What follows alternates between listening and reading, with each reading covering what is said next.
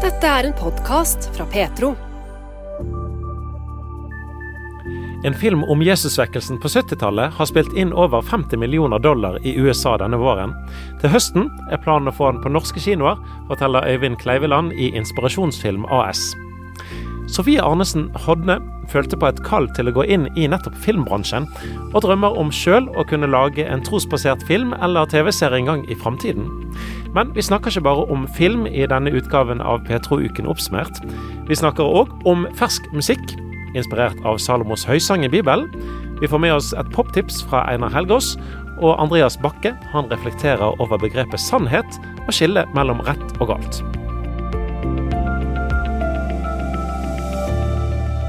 Men først. Med opp mot 2000 deltakere er UL, eller altså Ungdommens landsmøte, en av sommerens store festivaler. Fra tirsdag 11. juli til lørdag 15. juli inviterer festivalsjef Martin Augestad til fem dager i Stavanger, med konserter, møter, bibeltimer, seminarer og selvfølgelig masse sosialt. Det kommer ungdommer fra 15 år og oppover til UL fra hele landet, forteller han.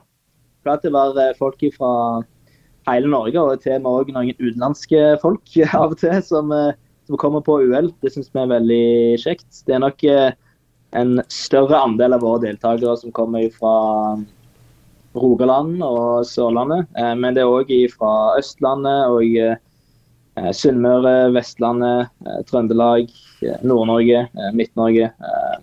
Ja, det er et, et bredt spenn der. Men det er jo et dyrt arrangement hvis en skal reise langt. Hvordan eh, løser en det i en tid der eh, mange må snu på kronene?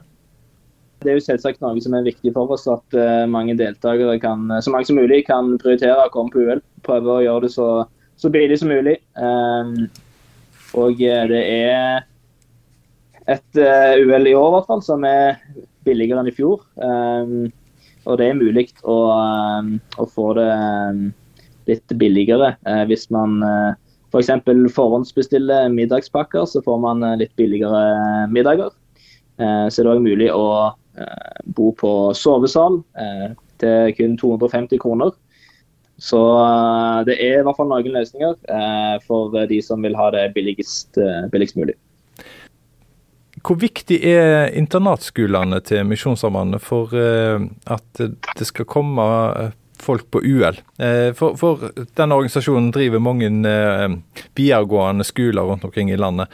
Hvor viktig er den der eh, effekten av å møtes igjen av elever fra videregående skolene til Misjonssambandet?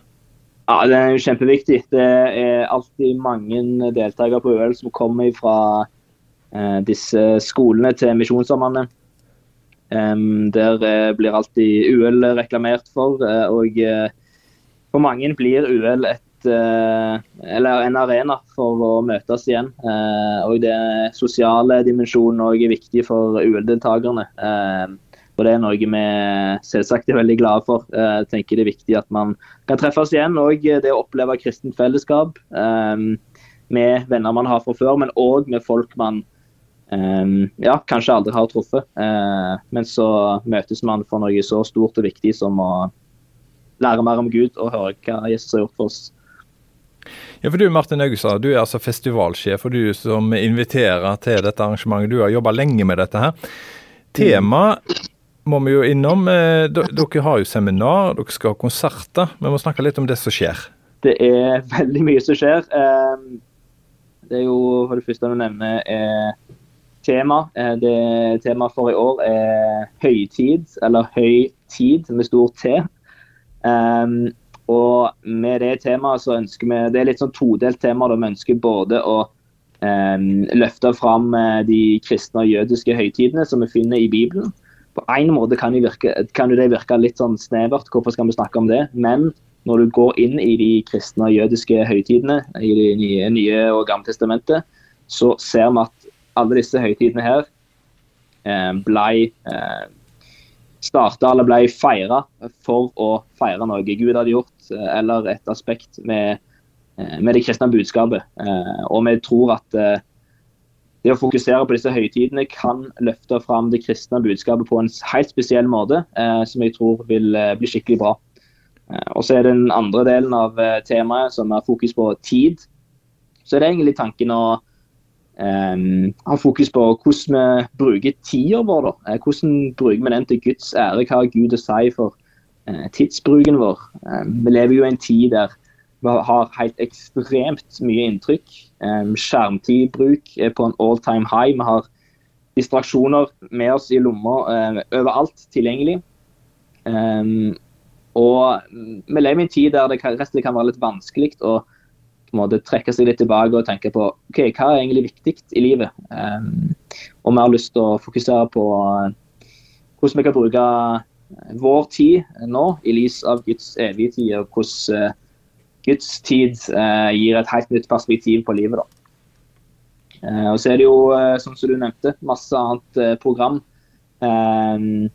Det er mange interessante seminarholdere, for å nevne noen. Sofie Braut er en veldig, eh, en veldig god stemme eh, inne i, eh, blant kristne. Hun skal ha seminar på UL. Rebekka Pettersen skal ha dele sitt vitnesbyrd fra hvordan du gikk fra å være kristen til å bli ateist, og så bli kristen igjen. Rune Tobiassen skal snakke om 17 grunner til at han er kristen, der han snakker om den uh, boken han ga ut tidligere i år. Uh, og Så skal Kristian Lilleheim ha et seminar om gode vaner for bibellesing. og Så er det flere konserter på, på UL. Hovedkonserten er med den canadiske artisten Matt Marr, som skal ha konsert fredagskveld. så er det òg onsdagskvelden i UL-uken så er det og konsert med David-Andre Østby og Josefina Gniste. Og så har vi òg eh, møtene, selvsagt, også med noe av det viktigste på UL. Vi har møter både på formiddagen og på kvelden. Og noen av de eh, som er verdt å trekke fram, Louis Giglio, amerikansk pastor. Han skal snakke om eh, pinse. Erika Vestre, som er diakon i Misjonssambandet, hun skal snakke om jul. Og eh, Tarjei Asprusten, som jobber som lege, skal snakke om tids Og mange andre kjempeinteressante talere. Martin Augestad er festivalsjef for UL, altså Ungdommens landsmøte. Det blir arrangert i Stavanger 11. til 15. juli. Byr på både konserter, bibeltimer og seminarer og um, diverse annet. Og mer info finner du for øvrig på ul.no.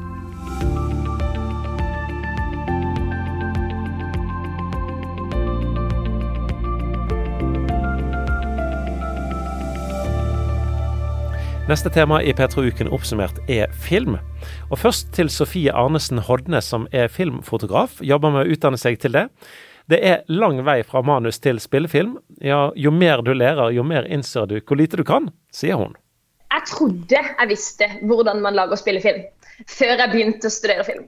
Og det er interessant. Jo mer du lærer, jo mer innser du hvor lite du kan. Så det er eh, enormt omfattende det er et tålmodighetsprosjekt uten like. Og det er så ufattelig mange fagfunksjoner som eh, må innom et sånt prosjekt for at det skal kunne gå.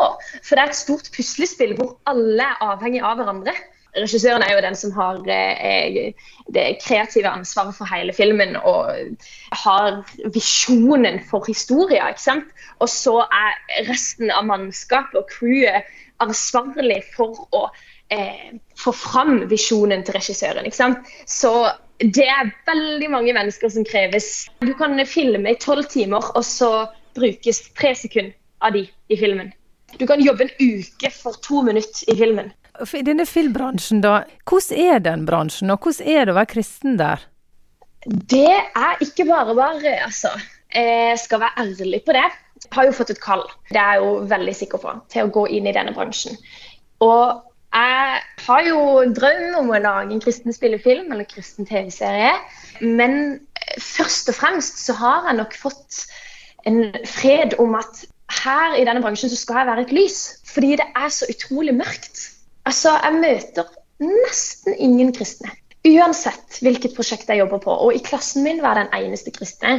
Eh, og det er rett og slett så lite kunnskap om hvem Jesus er det er sånn, Folk tror at vi ber mot Mekka, på en måte.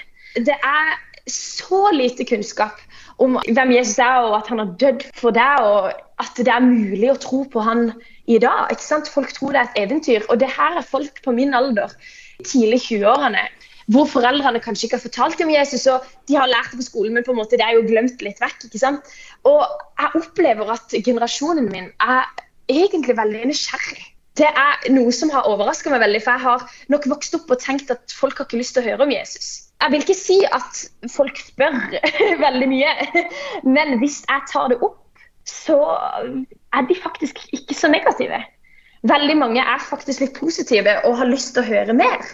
Så det har jo vært en veldig positiv ting med å være i bransjen. Da, at jeg har fått veldig mange gode samtaler. Og jeg har fått lov til å kjøpe andaktsbøker til noen som jeg har jobba sammen med. Og de har sett The Chosen, blant annet, noen av de. Siden jeg kan jo anbefale videre noen uh, serier, for de er jo filmnerder hele gjengen. så det å anbefale videre noen bra TV-serier eller filmer som er kristne, det har vært nøkkel for meg. Så det igjen sier jo hvor viktig det er med kristent innhold, som faktisk har kvalitet. Og kristent innhold på filmlerretet, ja, det skal vi snakke mer om straks. Du hørte altså Sofie Arnesen Hodnes, som er filmfotograf, og òg drømmer om å lage kristen spillefilm eller serie en gang i framtiden.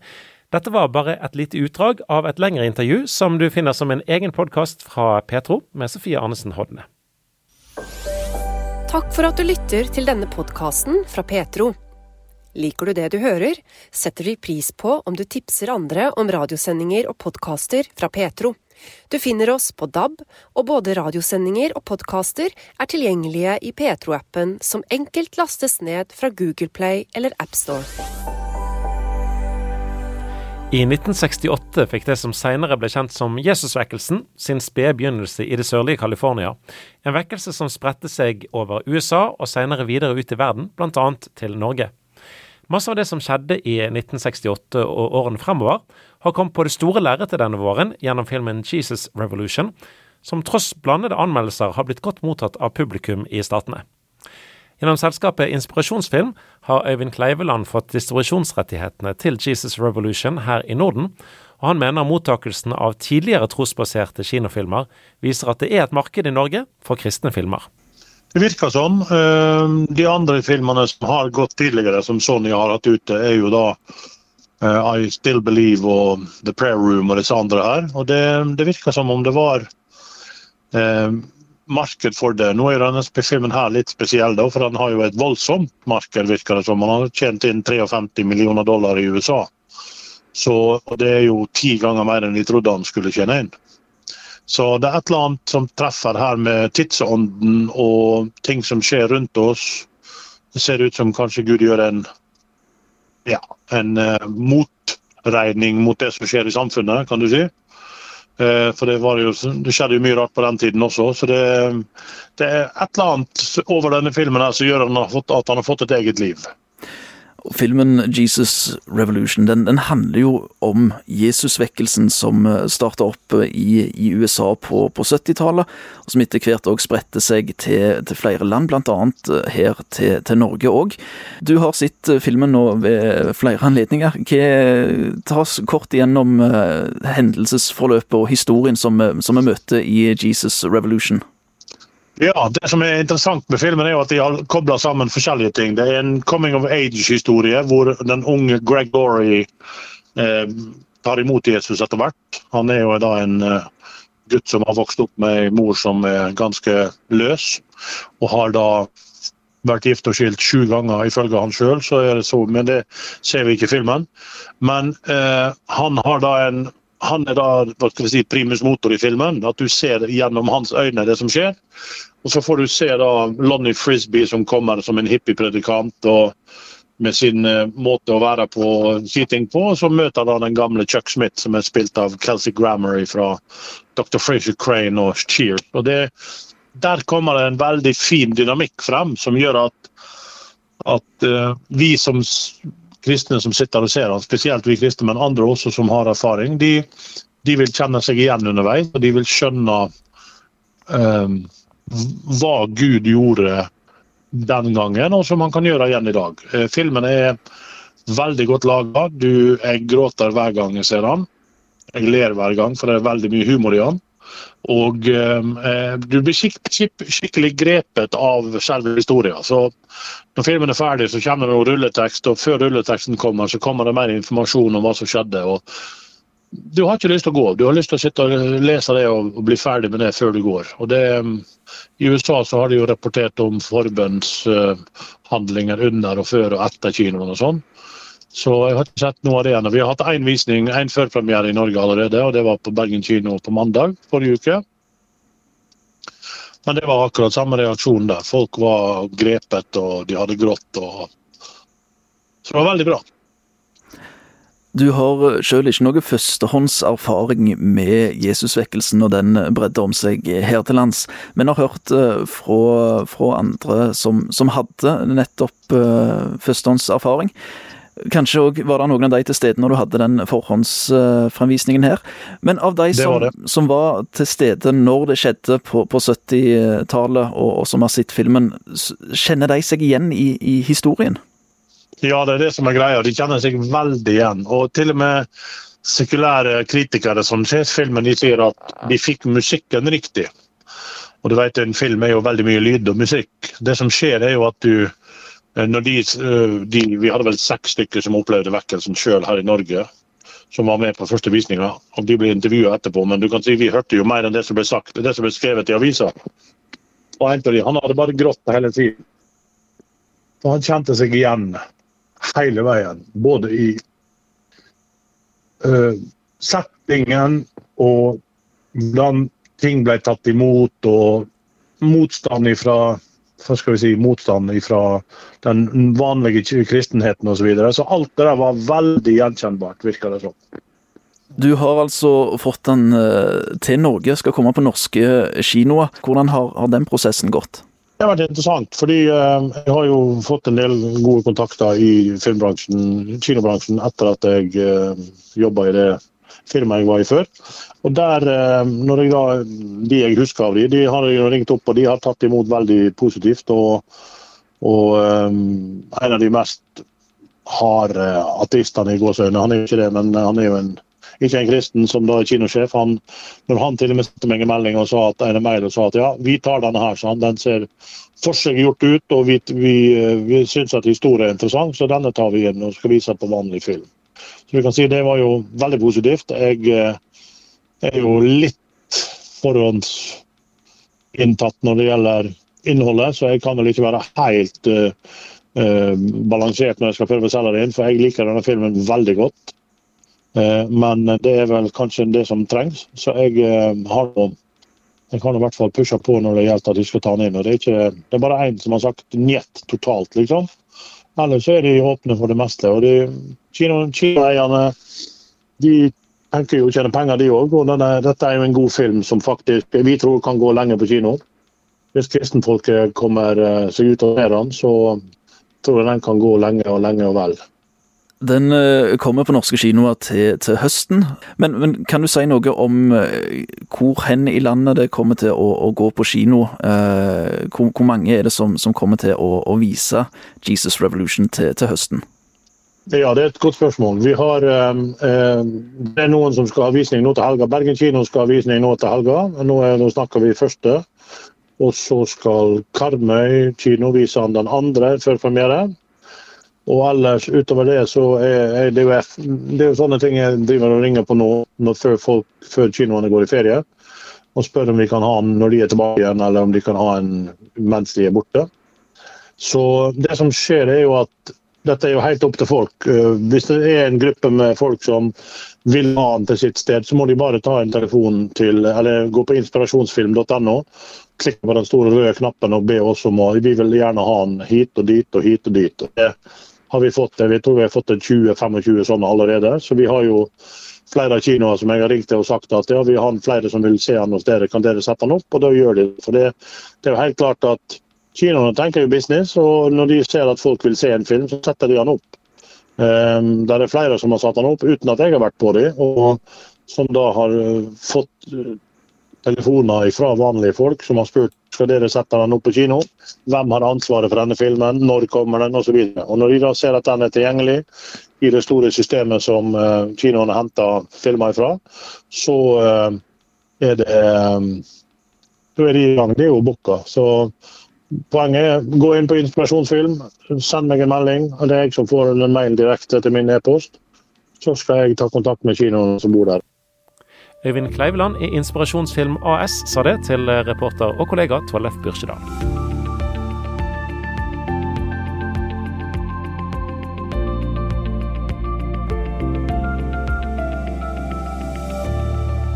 Hver onsdag ettermiddag i våre radiosendinger på Petro, enten du er nå på DAB eller FM eller web eller app eller eh, hvor du nå lytter til det, så kan du få med deg ukens poptips fra Einar Helgaas. Og det skal vi òg ta med her i podkasten. Og i dag så skisserer Einar Helgaas et scenario som jeg i hvert fall syns hørtes ganske ubehagelig ut. Tenk deg at du skal på slektsstevne, og alle du har hatt med å gjøre i din familie, kommer for å ta del i festen. I tillegg til god mat, taler og de frie samtalene er det satt opp meget interessant punkt på programmet.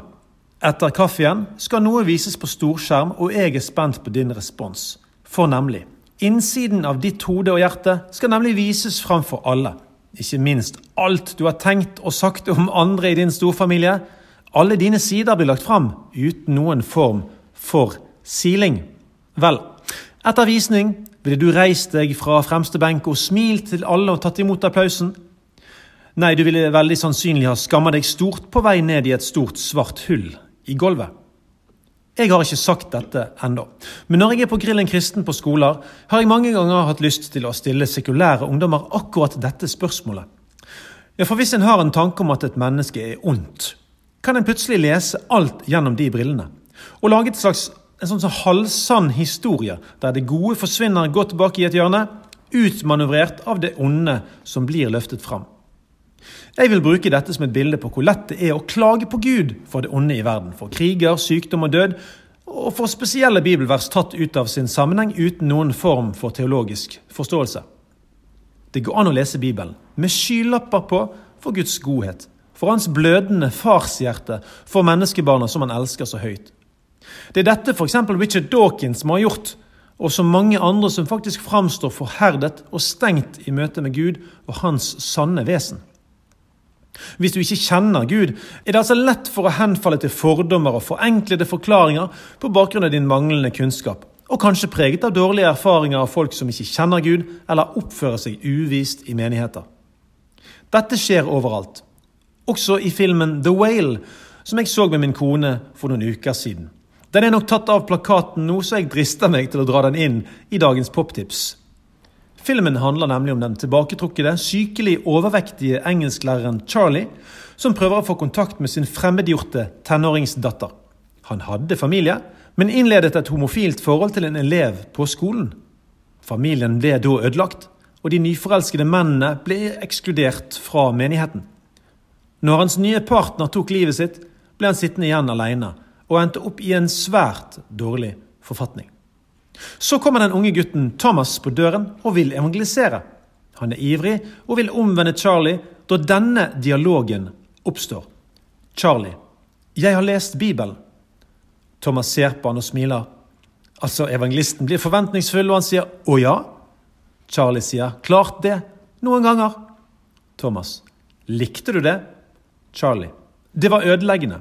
Gud skaper oss, fordriver oss fra paradiset. Så vandrer vi rundt i tusenvis av år og dreper hverandre, før han kommer tilbake for å redde 144 000 av oss, mens de andre 7,5 milliardene av oss faller i helvete.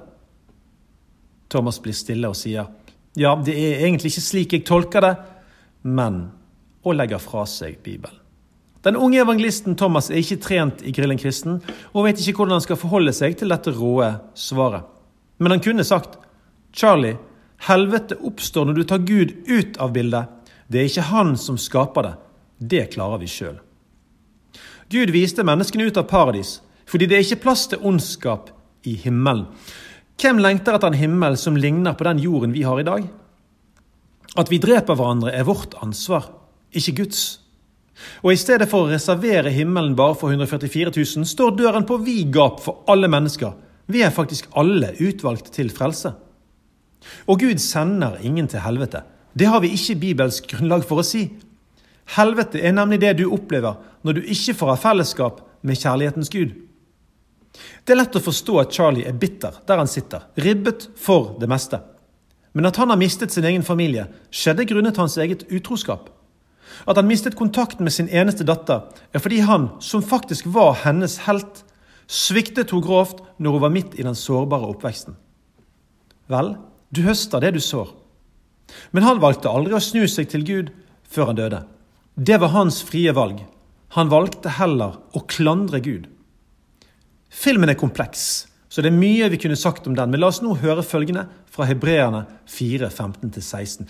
For vi har ikke en øversteprest som ikke kan lia med oss i vår vannmakt, men en som er prøvd i alt på samme måten som vi, men uten synd. La oss derfor stige fram for nådens kongstol med frimod, så vi kan finne miskunn og finne nåde som gir hjelp i rette tid. Vi tror altså ikke på en fjern, selvdiggende Gud, men en som har gått gjennom verre lidelse enn noen av oss, til og med Charlie. Dette for at vi skulle få oppleve nåde istedenfor dom, ufortjent himmel istedenfor et forferdelig fravær av Gud. Jeg regner med du fortsatt ikke ønsker å prosjektere på veggen alle dine tanker for slekta di. For å møte både Charlie og hele menneskehetens dype lidelse og klage vil jeg i dagens poptips spille en juvel av en sang fra Northwood Worship jeg har blitt veldig glad i over flere år. Tilbederne fra Somerville i South Carolina uttrykker nemlig i denne de gode nyhetene om Guds kjærlighet til oss på en litt ny måte. Jo, for var det egentlig romernes lenker som holdt Jesus bundet? Er vi sikre på at det faktisk var naglene som holdt Jesus hengende på korset? Eller var det hans ekstreme, selvoppofrende kjærlighet, med deg og meg og alle menneskebarna i sikte, som gjorde at han fullførte verket istedenfor å gjøre som alle ville forventet av Gud, nemlig heve seg langt over lidelse og nyte livet i himmelen. Jeg inviterer deg til å innta en posisjon av gudsfrykt, ydmykhet og tilbedelse når du hører Who You Are. Det sa Einar Helgaas. Ukens poptips fra han det er Northwood Worship med låten Who You Are. Nå kan vi av rettighetshensyn og sånn dessverre ikke spille musikken her i podkasten, men eh, du finner den på Spotify og eh, ellers der du måtte lytte til eh, musikk. Og nytt poptips fra Einar ja, det kommer altså hver onsdag klokken 15.45 på Petro. Du lytter til en podkast fra Petro. Vi ønsker å formidle tro, rotfestet, redelig, reflektert og relevant, slik at du blir inspirert til etterfølgelse av Jesus. I tillegg til podkaster og webradio kan du høre Petro på DAB 24-7 mange steder i landet. Jeg vil synge er tittelen på en helt fersk singel som eh, skal bli en del av en hel plate i løpet av året. Kjetil Olsen bor på Karmøy og vil framover slippe flere sanger fra kommende, det kommende albumet.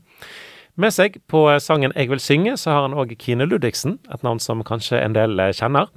Kjetil Olsen sier at teksten her er inspirert av eh, Salomos høysang, en av bøkene i Det gamle testamentet i Bibelen. Sangen handler jo om eh, egentlig en kjærlighetsrelasjon mellom oss mennesker og Jesus. Eh, det er det det handler om. Teksten er med inspirasjon fra høysangen. Hvordan vi ja, hvordan han kan Hvordan vår vandring med, med Gud da, kan være veldig spennende. Noen ganger så er han litt skjult og gjemmer seg, men vi kan kjenne at vi er på sporet av noe. Og så er vårt hjerte som måtte trekkes imot ham, og så blir det ja, disse de tingene. Det fascinerer meg veldig. En slags vandring med, med Gud. Da. Så det er det jeg ønsker å formidle ved den sangen også. Men et sånt budskap, hvor, eh, hvordan velger du da eh, melodi og, og instrument og, og, det som blir på en måte lyden? Nei, jeg tenker Når jeg skriver sanger, så har man kanskje, går jeg og summer litt eh, i hjertet med noe om et tema. Og så spiller man litt innimellom, og så plutselig har man en melodi. Og så er det jo om å ikke stresse det, men det smelter litt sammen, tekst og melodi, føler jeg. Så plutselig kjenner man at oi, det var en god match, og så er man der. det er litt sånn uh, greie der. Men det å levere ut musikk, da blir jo tilgjengelig der folk hører musikk. Eh, dette er hobbyen din. Hvordan tror du eh, arbeidskollegaene dine og, og naboer vil reagere på, på sangen du nå er ute med? Jo, du vet på Karmøy så er det veldig mange kristne mennesker, så der er det ikke så veldig skummelt å få en sånn sang. Men på jobb også er det jo Det er noen som vet om det, men ikke alle selvfølgelig enda. Men det er jo litt gøy. Så får man naturlige samtaler eh, ut fra det. Og det er jo fint. Så kan man eh, ja, prate om kanskje Gud på en veldig naturlig måte. Jeg tenker det er en god ting, da. Dette er første singelen du er ute med. Og så eh, har jeg allerede hørt at det kommer kanskje snart mer. Og, og du slipper litt sånn uh, sanger nå framover, og så skal det bli en fullverdig plate til slutt? Ja da. Vi har spilt inn alle tolv låter, så er vi blitt veldig kjempefornøyd med resultatet. Så det er veldig gøy. Eh, men i begynnelsen så, så tar vi også formidler ut én og én, som de første. Og så kommer eh, på høsten, tidlig høsten, så slipper vi resten. Så det er kanskje for å få litt varighet og oppmerksomhet rundt eh, de forskjellige sangene, da. Så det er sånn man gjør om dagen. Det å levere ut musikk altså du, du, forteller jo at du vil noe. Du ønsker at den skal sitte igjen med noen den hører sangen din. Og, og, det å, og så er det hobbyen din. Det er kostbart å drive med dette her. Er det en eh, kostbar eh, hobby du har fått deg? Den er litt kostbar, ja. Det finnes jo mange kostbare hobbyer, for å trøste seg med det. Nei, men det er klart det koster litt. Men jeg opplever også at jeg har lyst til å at disse sangene kan få lov til å Jeg har brukt noen av de sangene i, ja, i forskjellige sammenhenger og får tilbakemelding på de, og så spør man er de spilt inn, er de spilt inn, og så har det ikke vært det, da, men nå er det gjort. Ehm, så er det for nye ting også. Men det er noe med det at man ønsker å kunne være til velsignelse og dele ut fra det man har fått selv. Så vi, vi putter i den skuffen der. Som musiker, hvor, hvor viktig er det å formidle trua di som musiker? det er jo veldig viktig. Um, nå er jeg så heldig at jeg får lov til å tale litt også. også litt, uh, det finnes så mange måter å formidle på. Uh, sang kommer ofte i kortere versjoner. Det har kanskje fire-fem minutter. Man skal formidle noe, og da er det kanskje mange setninger som er konsentrert og komprimert. Så man leverer et kraftig budskap på få minutter med masse musikk og lyder ved siden av. Så det er på en måte en veldig god kommunikasjonsform. da. Så det er en veldig spennende måte å kommunisere på, syns jeg. Um, som når hjerter. Kjetil Olsen, nå skal vi høre sangen. Eh, 'Jeg vil synge' heter den. Og med deg har du fått Kine. Det å ha med seg en eh, erfaren artist som hun på eh, Kine Ludvigsen. Mm. Hva er grunnen til at du har valgt å ta henne med på, på den første singelen du gir ut? Altså, Vi har jo vært så heldige at vi får lov til å spille inn i studio i Asker-området, der hvor de bor. Det er faktisk hjemme i, i, i huset deres. Der har de studio og mannen hennes Olav som sitter og mikser, så det ble en naturlig valg. Kine er fantastisk flink og er veldig god på den type sang, så jeg syns det passa så fint. Så da var jeg veldig glad for at hun ville være med. da. Så kjempe, kjempehappy med resultatet der, altså. Det sa Kjetil Olsen, og vil du høre den ferske låten hans 'Jeg vil synge', så finner du den altså på ulike strømmetjenester. Det var Bjørn Steinar Haugland som hadde pratet med Kjetil Olsen.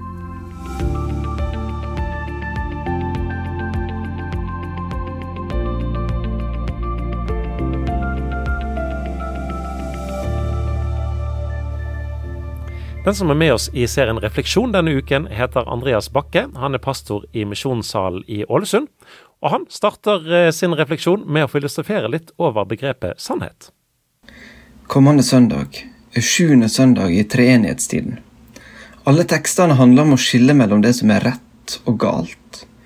Mellom det som kommer fra Gud, og det som kommer fra ei kilde med et annet formål.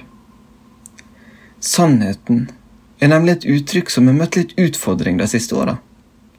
For noen år siden ble uttrykket 'alternativ fakta' lansert. Andre snakker om å finne sin egen sannhet. Hva tenker du om sannhet? Er du mest opptatt av å leite etter sannhet med stor S? Eller er du mest interessert i å lage deg en sannhet som passer best for deg sjøl, men som kanskje er i strid med det de andre mener rundt deg. Bibelen er veldig tydelig på at det finnes én sannhet. Det å komme opp med alternative sannheter eller sette sammen noe sjøl, hjelper ikke den dagen sannheten med stor S skal åpenbares for alle mennesker. Jesus sier om seg sjøl, Jeg er veien, sannheten og livet.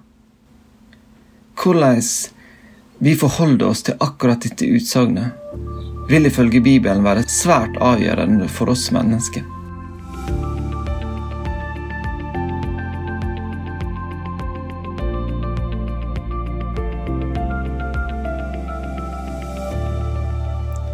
I 1. Johannes 4,3 står det at enhver ånd som ikke bekjenner Jesus, er ikke av Gud. I møte med alle slags filosofier og ideer vi møter i vår verden, har altså Bibelen gitt oss ei lita sjekkliste.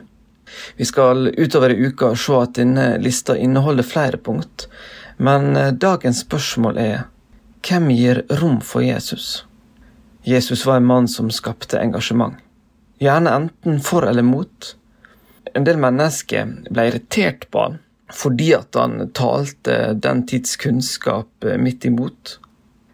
De som eh, derimot fikk oppleve hans nåde og kjærlighet, fikk et helt annet inntrykk av han.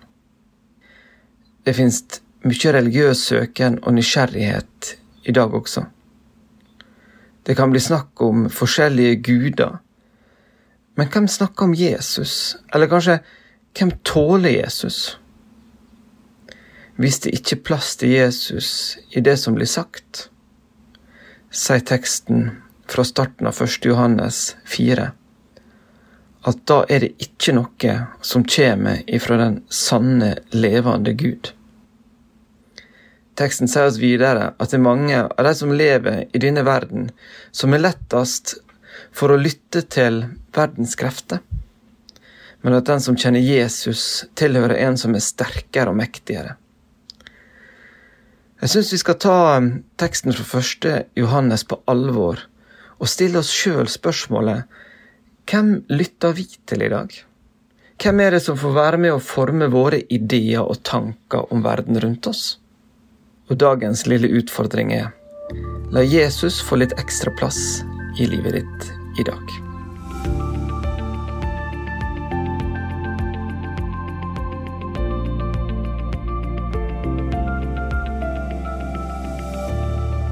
Har du opplevd noe god frukt i det siste?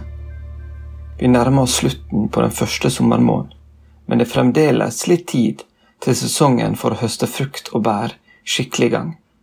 Jeg sa i går at Bibelen har gitt oss noen punkt på, som er sjekkliste for å skille mellom det som kommer fra Gud og det som kommer fra andre åndskrefter.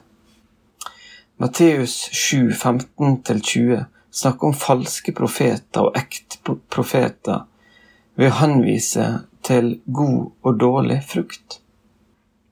Teksten forteller oss at det kan være vanskelig å skille på førsteinntrykket. Det kan være mye dårlige tanker og ideer som blir presentert for oss på en god måte, som ser fin ut i utgangspunktet. Det kan rett og slett se ganske så innbydende ut. I Galaterbrevet er noe av den gode frukta ramsa opp.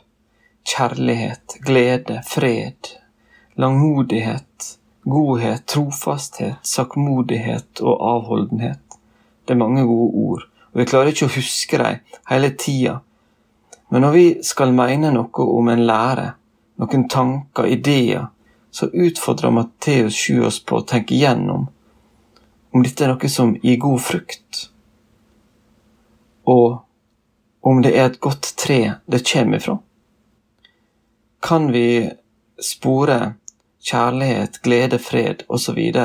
hos avsenderen eller hos frukta, så er det kanskje noen gode tanker, noen gode ideal vi lytter til.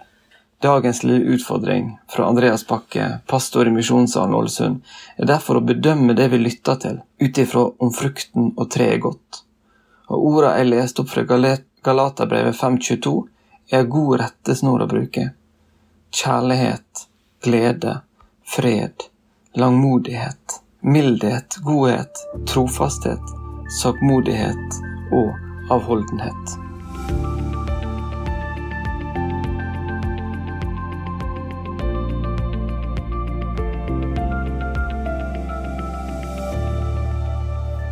Det som intet øye så, og intet øre hørte, det som ikke kom opp i noe menneskehjerte, det som Gud har gjort ferdig for den som elsker ham, det har Gud åpenbart for oss ved sin ånd.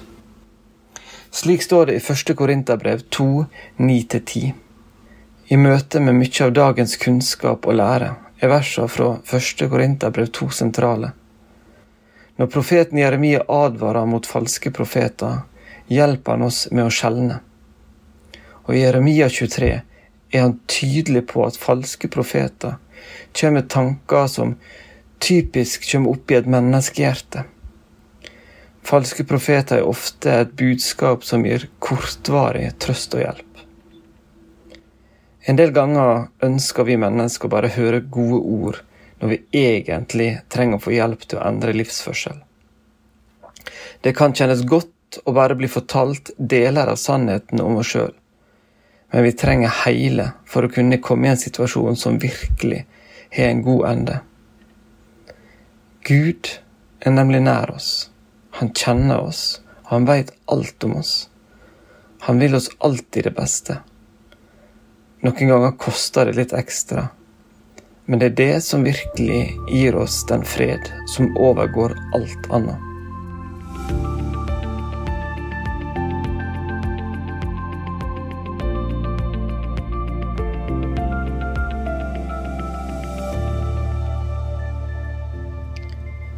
I stillhet og tillit skal deres styrke være. Smak litt på det uttrykket. Vi tar det en gang til. I stillhet og tillit skal deres styrke være. Budskapet i søndagens tekster handler om å lytte til Gud og ikke til andre krefter og ånd i verden. Uttrykket som vi starta med, og som vi finner mer eller mindre ordrett flere ganger i Bibelen, er kanskje mer viktig enn noen gang tidligere. Vi blir utsatt for enorme mengder med inntrykk og informasjon. Det er veldig mange som skriker etter vår oppmerksomhet, og det er mange som ønsker å ha oss med på sitt lag. Bibelens Gud er størst og sterkest, men ikke alltid en som skriker høyest. Bibelen sier at Gud alltid er nær, og at han lar seg finne men vi må velge å lytte til han. Dette krever faktisk en aktiv handling fra vår side. Vi må velge å skjerme oss fra alt annet som roper etter vår oppmerksomhet, og vende oss til Gud. Han som kjenner oss, elsker oss og vil oss det beste. Bruk gjerne litt tid i dag eller i helga til å tenke gjennom hvordan du skal få nok tid sammen med Gud til å lytte lytte til hva han ønsker å si inn i ditt liv i dag. Det er nemlig i stillhet og i tillit at din styrke skal være. Jeg heter Andreas Bakke og jobber som pastor i Misjonssalen Ålesund. Takk for følget og god helg.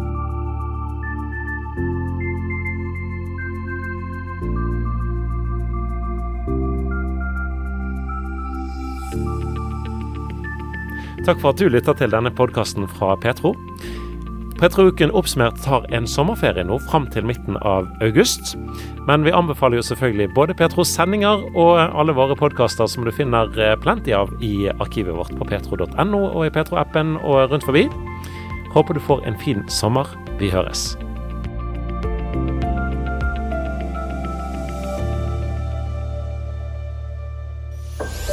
Du har lyttet til en podkast fra Petro. Flere podkaster fra oss finner du bl.a. på petro.no og i Petro-appen. Der kan du også høre radiosendingene våre 24-7. Husk også at vi sender på DAB mange steder i Norge. Vi høres!